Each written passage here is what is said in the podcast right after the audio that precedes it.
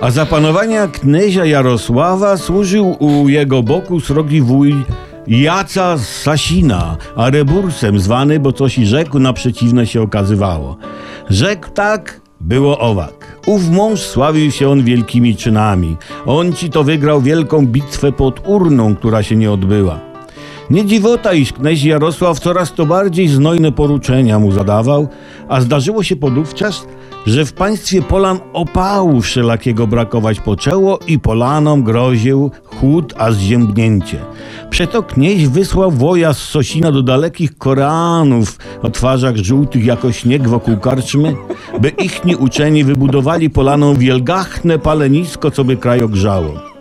A miało to być palenisko nie byle jakie, gdyż jedna gałąź rozszczepiać się mogła na kilka chrustów, nieprzebrany żar dając.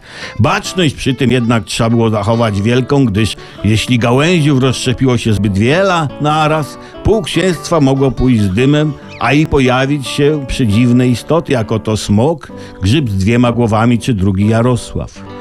Gdy Germanie, Frankowie, Angielczycy, nie mówiąc o Hiperborejczykach, zwiedzieli się, że wojsk Sasina ma stać na czele budowy paleniska, strach blady na nich padł i dla ochrony poczęli to ziemianki, to nory, to doły kopać.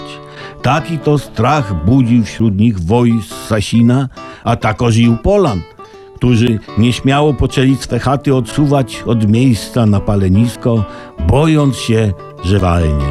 Tak było wżdy.